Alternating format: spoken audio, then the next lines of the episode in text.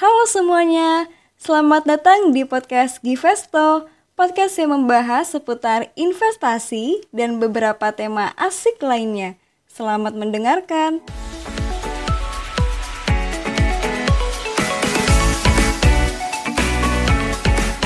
Halo Sobat Invest, gimana nih kabarnya? Baik-baik aja kan? Akhirnya kita bisa berjumpa lagi di podcast Givesto, Galeri Investasi Podcast. Podcast kali ini ditemani oleh aku, Nabila Adel, mahasiswi jurusan Administrasi Bisnis Angkatan 20 dan fungsionaris Galeri Investasi FISIP UPN Veteran Jawa Timur. Di episode kali ini, kita akan membahas tentang apa sih bedanya menabung dan investasi, dan manakah yang lebih baik bersama narasumber kita yang keren banget dan merupakan fungsionaris Lab Galeri Investasi FISIP UPN Veteran Jatim sekaligus praktisi muda di bidang keuangan yaitu ada Karifki Utomo. Kita sapa yuk. Halo Karifki, apa kabar? Halo Kak Nabila, Alhamdulillah nih Sekarang lagi baik-baik aja Mungkin sedikit disibukkan dengan yang namanya KKN ya KKN MPKM nih kalau Nabila sendiri gimana? Pasti sehat-sehat juga dong. Alhamdulillah, aku sehat juga Kak Rifki. Semoga teman-teman pendengar Givesto baik juga ya. Oke Kak, sebelum kita mulai ke topik pembahasannya, boleh dong Kak Rifki kenalan dulu ke para pendengar Givesto yang akrab disapa dengan Sobat Invest, biar lebih kenal nih Kak. Oke, halo Sobat Invest. Perkenalkan, namaku Ahmad Rifki Utomo Mahasiswa semester 6 UPN Veteran Jawa Timur. Uh, Aku kuliah di jurusan Administrasi Bisnis Fakultas Ilmu Sosial dan Ilmu Politik. Aku juga merupakan salah satu fungsionaris dari Galeri Investasi Visip Adbis dan sekaligus praktisi muda di bidang keuangan. Salam kenal semuanya Oke, terima kasih dan salam kenal Kak Rifki.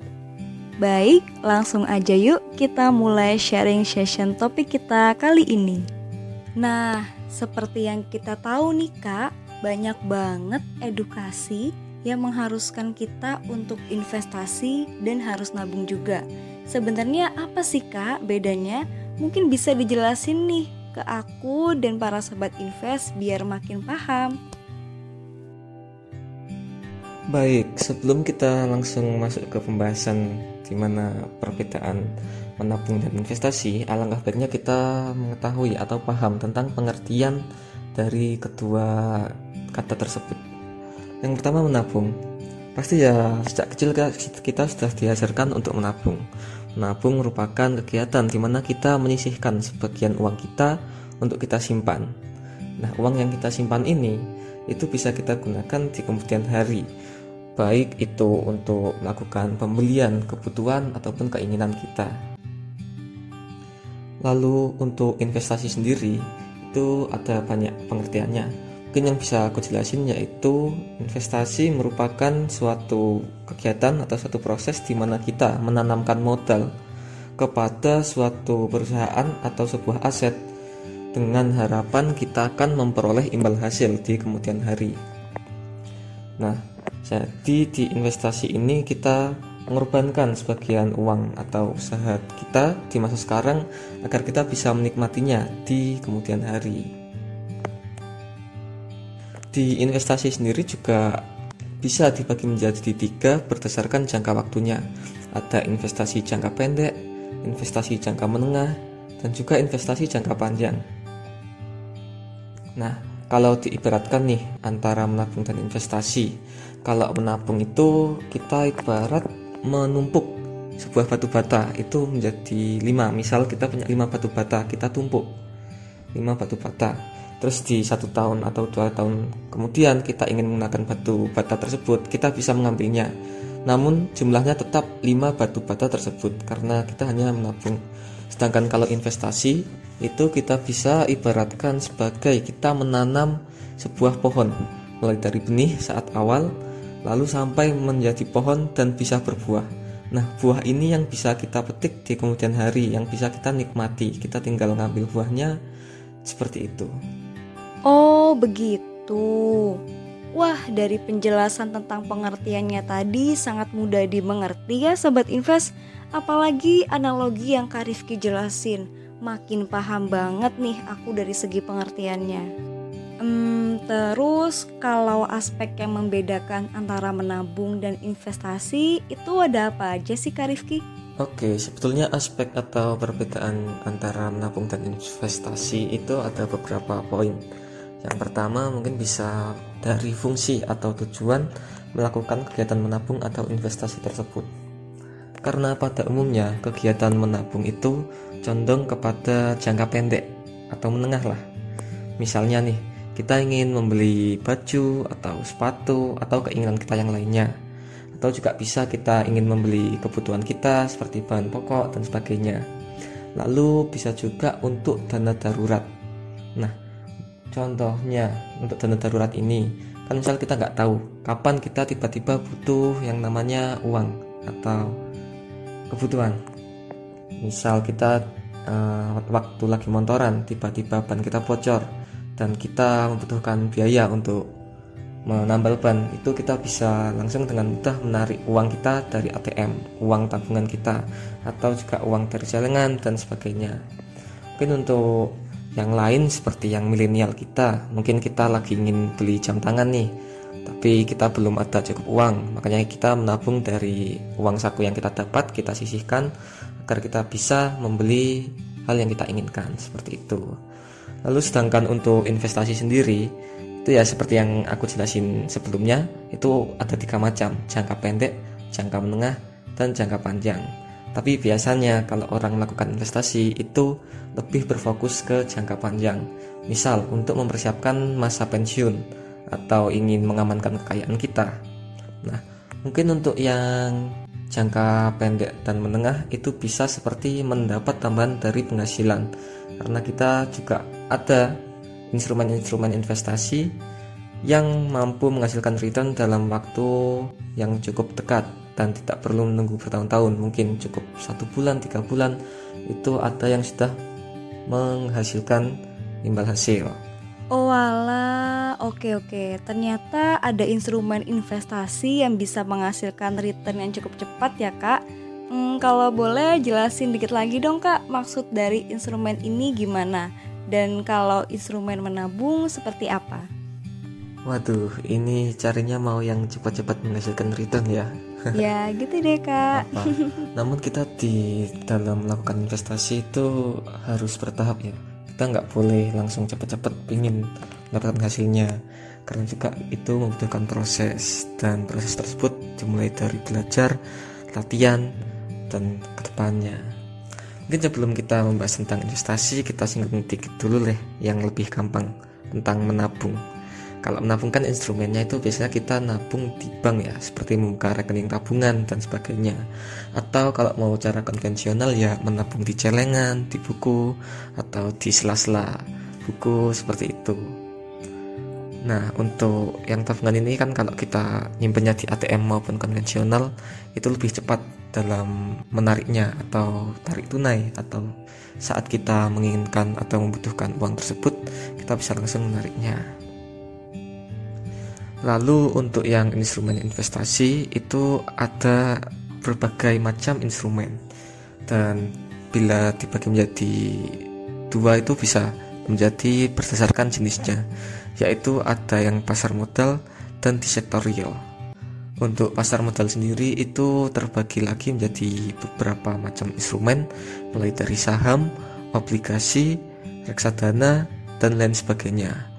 Lalu untuk yang sektor real itu seperti properti dan logam mulia kayak emas seperti itu. Mungkin udah udah tahu ya yang kayak investasi properti atau emas yang setiap tahun harganya belakangan ini terus meningkat. Nah, mungkin seperti itu bisa menjadi hal yang diinvestasikan, yaitu investasi di properti maupun logam mulia. Lalu untuk yang pasar modal sendiri, kayak saham, obligasi, dan reksadana, mungkin aku jelasin singkat dulu deh. Untuk yang saham itu gampangnya, itu apabila kita membeli suatu saham, itu kita secara sah diakui menjadi pemilik perusahaan tersebut yang di sahamnya. Misal kita membeli saham Bank BCA, maka itu kita secara sah menjadi pemilik salah satu pemilik dari perusahaan tersebut walaupun hanya 0,0 sekian persen. Itu di saham sendiri juga mempunyai return returnnya sendiri. Lalu kalau obligasi itu gampangnya seperti surat utang dan kita nanti diberi bunga atas utang tersebut lalu untuk reksadana ini yang mungkin paling mudah di antara instrumen investasi pasar modal yang lain. Karena di reksadana ini kita sistemnya seperti menyetor uang kepada pihak yaitu pihak manajer investasi yang akan mengelola uang kita dengan melakukan investasi di instrumen-instrumen yang aku sebutin tadi. Jadi ada yang namanya reksadana obligasi ada yang namanya reksadana saham dan juga reksadana pasar uang yang mempunyai profil resiko sendiri-sendiri. Masing-masing punya profil resikonya. Mungkin seperti itu instrumennya Kak Nabila.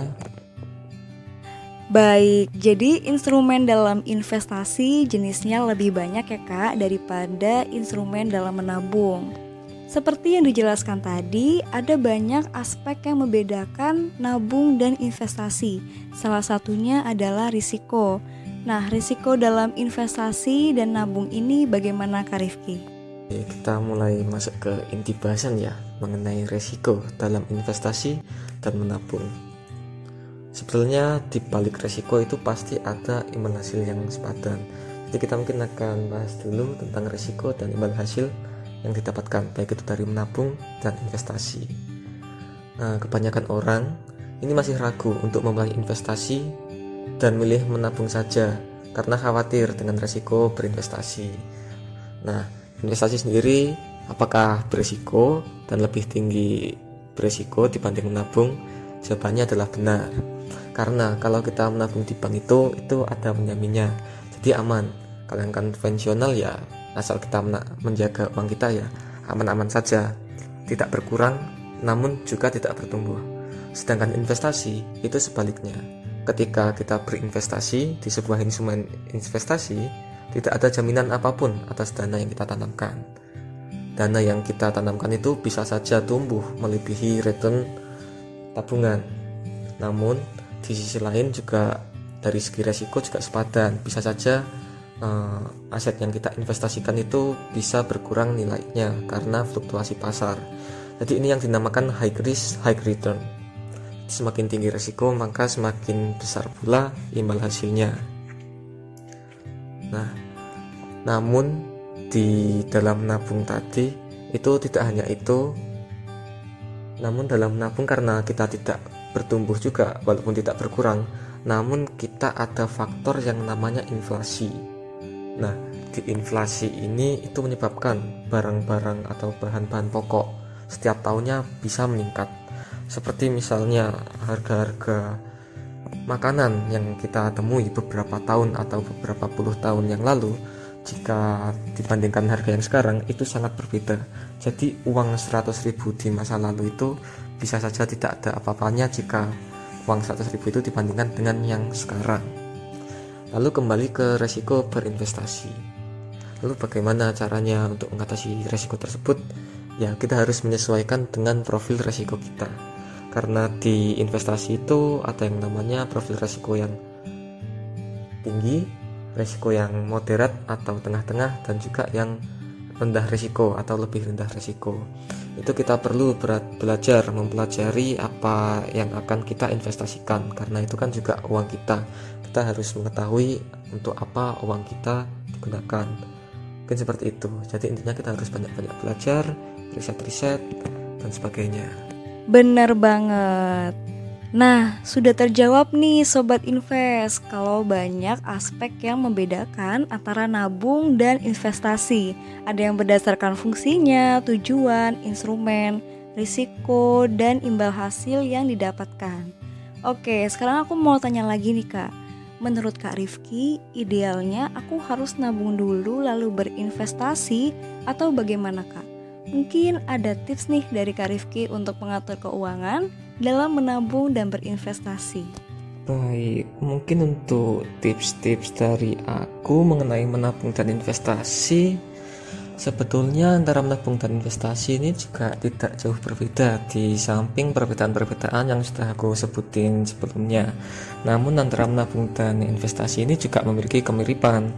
Kan juga uh, intinya manfaat yang kita dapatkan dari menabung dan investasi itu mirip-mirip. Misalnya seperti kita dapat uh, menerapkan pola hidup hemat karena tidak tidak langsung membelanjakan uang kita dengan foya-foya. Dan kita juga bisa menikmati hasil dari pengorbanan yang kita lakukan saat ini. Di masa depan kita menjadi punya lebih banyak tabungan atau punya investasi yang bisa kita nikmati di kemudian hari mungkin antara nabung dulu atau investasi dulu menurutku ini hal yang bisa dilakukan secara bebarengan jadi tergantung kondisi teman-teman saat ini dan tergantung tujuan teman-teman juga saat ini. Eh, dan juga kalian juga bisa saja menabung di instrumen investasi seperti yang aku udah bilang sebelumnya ada kayak reksadana, saham. Itu yang paling gampang reksadana kita bisa rutin menabung atau menyisihkan sebagian uang kita ke dalam reksadana atau saham tersebut. Seperti itu. Jadi kita tetap harus menggunakan uang dingin-dingin saat ingin melakukan investasi. Uang dingin ini maksudnya adalah uang yang tidak akan kita gunakan dalam waktu dekat. Jadi apabila tidak terpakai itu masih tidak apa-apa. Jadi istilah jangan pakai uang panas atau uang yang kita buat hidup sehari-hari seperti biaya tempat tinggal atau biaya makanan. Seperti itu Kak Nabila. Jadi harus sesuai porsinya. Oh iya, sedikit ingin menambahi terkait yang investasi tadi di bagian risiko. Intinya selama kalian memilih instrumen investasi yang sudah diawasi atau sudah legal oleh pemerintah seperti badan yang mengawasi itu ada OJK atau otoritas jasa keuangan itu pasti investasi kalian aman. Makanya uh, tidak akan tiba-tiba hilang begitu saja. Mungkin apabila terjadi kegagalan itu karena ada fluktuasi pasar dan sebagainya. Asal kita harus pintar-pintar memilih instrumen investasi atau kita ingin memasukkan uang kita ke mana. Jangan sampai tergiur oleh investasi-investasi bodong seperti berita-berita yang barusan viral beberapa waktu yang lalu. Mungkin itu sedikit pesan dari aku. Terima kasih. Terima kasih juga Kak Rifki. Nah, itu tadi tips-tips dari Kak Rifki yang perlu kita terapin nih Sobat Invest. Jadi nabung dan investasi harus dini mungkin ya teman-teman Apalagi para teman mahasiswa dan pelajar ini perlu banget loh kita menyisihkan uang yang kita punya untuk ditabung dan diinvestasikan yang pastinya juga bermanfaat untuk kita ke depannya. Satu pertanyaan lagi nih kak, seperti yang Kak Rifki katakan, jangan sampai kita kena investasi bodong. Nah sebaiknya kita berinvestasi di mana sih kak untuk para mahasiswa dan pelajar yang tentunya aman? Betul sekali, kita harus menghindari investasi bodong agar tidak tertipu dan kehilangan semua modal kita. Sudah ada banyak aplikasi-aplikasi legal yang ada di Indonesia untuk dijadikan sarana berinvestasi. Tinggal kita harus pintar-pintar memilih dan memilah apakah aplikasi tersebut sudah diawasi oleh badan yang terkait atau belum. Bila teman-teman ingin mencari, kami dari Galeri Investasi juga bekerjasama dengan MNC Sekuritas untuk membuka rekening agar bisa investasi saham. Jadi mungkin teman-teman yang ingin membuka akun untuk melakukan investasi saham itu bisa mampir-mampir ke Instagram Galeri Investasi UPN Jawa Timur. Nah, nanti mungkin kalian bisa DM dan pasti nanti diarahkan oleh anggota Galeri Investasi agar bisa dimudahkan dalam pembuatan open akunnya. Iya, jadi ada sedikit informasi aja nih Sobat Invest. Bagi teman-teman yang ingin berinvestasi Tapi belum buka akun, bisa banget buka akun saham di Galeri Investasi Fisik UPN Veteran Jawa Timur. Baik, topik pembahasan kita kali ini telah selesai. Jadi Nabung dan investasi itu berbeda ya Sobat Invest. Dari menabung dan investasi pun mempunyai kelebihan dan kekurangan masing-masing. Oh iya, boleh dong buat Kak Rifki disampaikan harapan ke depannya untuk kita semua. Baik, mungkin harapan aku di sini kita bisa melek finansial atau kita paham akan keuangan sedini mungkin agar di masa kemudian atau di masa tua kita nanti itu lebih bisa cepat mencapai yang namanya financial freedom atau kebebasan finansial. Mungkin seperti itu dari aku. Tetap semangat teman-teman, kita harus mempelajari apa yang kita ingin lakukan agar kita tidak meraba-raba dalam melakukannya. Sekian dari saya, terima kasih. Baik Kak Rifki, terima kasih banyak ya atas waktunya. Semoga harapan baiknya terrealisasikan. Sukses selalu. Oke sahabat Givesto, mungkin segitu aja podcast pada episode kali ini. Terima kasih buat teman-teman yang sudah mendengarkan dan menyimak podcast Givesto. Semoga bermanfaat. Tetap semangat dan jaga kesehatan. Saya Nabila Adel pamit undur diri. Sampai jumpa di episode selanjutnya. Wassalamualaikum warahmatullahi wabarakatuh.